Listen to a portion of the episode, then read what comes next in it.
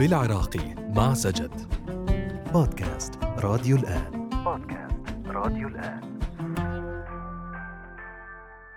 أسعار كشفية الأطباء في العراق. هل هي استحقاق أم متاجرة بمواجع الناس؟ على الرغم من تزايد أعداد الأطباء في العراق إلا أن ذلك لم يكن سبباً في انخفاض مبالغ ما يعرف محلياً بكشفية الطبيب بل على العكس أسعارها ترتفع بشكل مبالغ به حيث وصلت إلى 100 دولار يضاف إليها أسعار الأدوية التي يجبر المريض على دفعها. أسعار الكشفيات عند اسم الأطباء مختلفة. زين حسب اخ- الاختصاصات مالتهم. أكو بيهم يراعون شوية الأسعار مالتهم زينة مناسبة وأكو بيهم لا عاليين كشفياتهم كلش عالية. إيه- اي فيتأثر حل بها المواطن أصحاب الدخل المحدود. أسعار كلش يعني مرتفعة. لأن هسه أبسط شيء أبسط شيء. الكشفية تقريبا 50 و45 وصاعدا تنتج العلاج. علاج يعني آه، 150 يجاوز فوق ال 150 أبسط شيء يعني. هسه أنا عندي بنت مريض أنا راجعها واجي من من العزيزيه اجر السيارة واعرف إيش وعلاج يعني بال 200 فوق ال 200 يعني هو راتب مثل محدود. صعبه مشكلة صعبة. كل شيء علاج غالي. يشوب القطاع الطبي الفساد والفوضى كباقي قطاعات الدولة العراقية. فلم تنجح وزارة الصحة على مدى عقود. من تحسين البنية التحتية الطبية فالمستشفيات على حالها والبعض منها تم افتتاحه قبل خمسين سنة على الأقل. ولم يتم إنشاء مستشفيات جديدة إلا ما ندر ولا يتناسب عددها مع الزيادة السكانية على الرغم من التخصيصات المالية الهائلة لهذه الوزارة. وهذا ما استغله بعض المستثمرين المدعومين من السياسيين فقاموا ببناء مستشفيات وافتتحوا عيادات طبية خاصة يتحكمون بها وبتسعيرات الكشفية.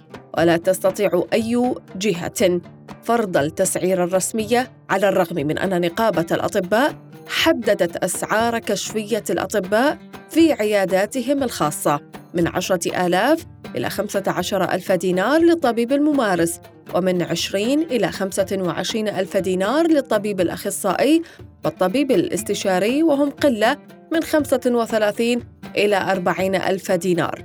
ودعت المواطنين إلى رصد التجاوزات وإبلاغ النقابة لاتخاذ الإجراءات بحق المتجاوزين. لكن محاسبة هؤلاء شبه مستحيلة بسبب الرشاوى التي تدفع ونفوذ البعض منهم فيستطيعون الإفلات من العقاب بكل سهولة. ماذا بخصوص الاتفاق بين بعض الأطباء والصيادلة والمختبرات الطبية؟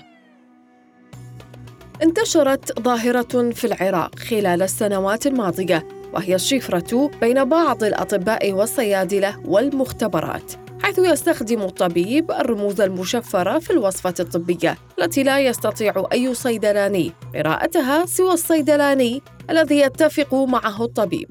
والغاية من ذلك هو فرض مبالغ غير قانونية على أسعار الأدوية ويتقاسمونها فيما بينهم ويضطر المواطن الفقير على شرائها مهما كان الثمن.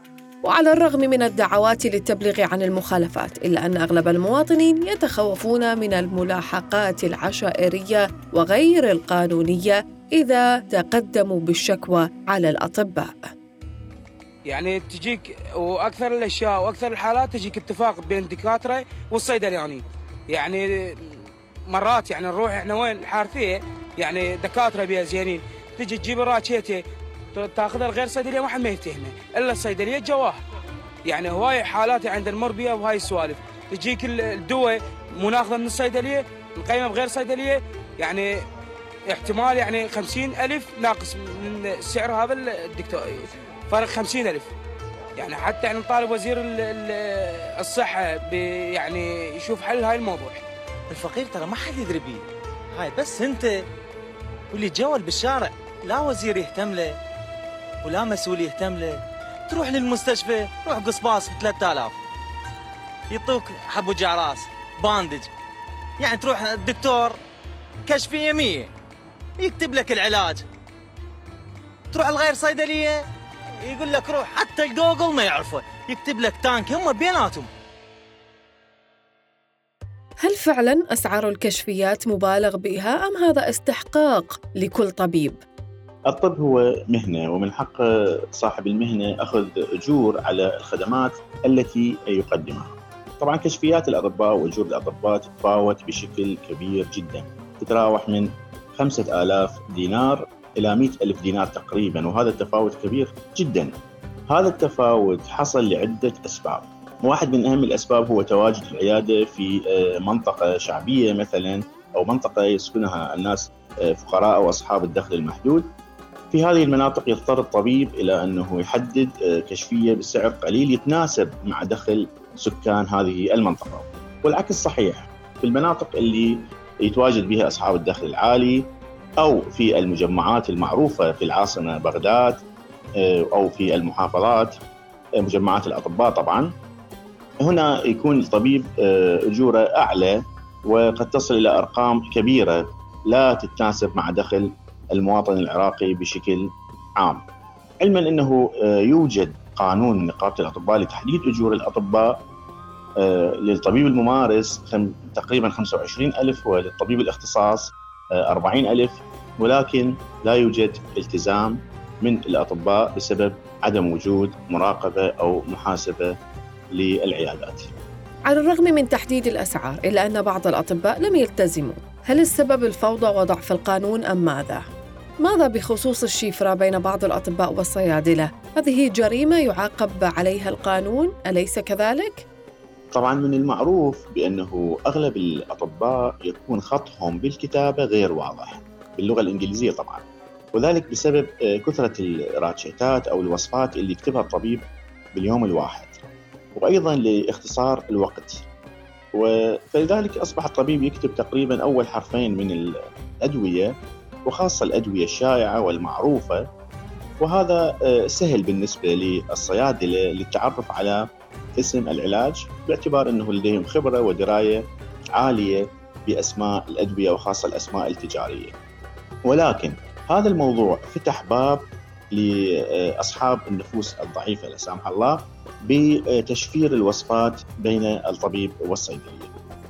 ولكن يوجد قانون بالعراق آه، يلزم الطبيب بكتابة الوصفة بجهاز الكمبيوتر وطباعتها وبالتالي آه، يكون العلاج واضح ومن السهل إنه أن آه، يصرف العلاج من أي صيدلية وهذا أيضا يمنع باب التشفير بين الطبيب والصيدلية ولكن مع الأسف لا يوجد التزام من العيادات الخاصة للأطباء بطباعة الوصفة بسبب آه، ضعف المراقبة والمحاسبة.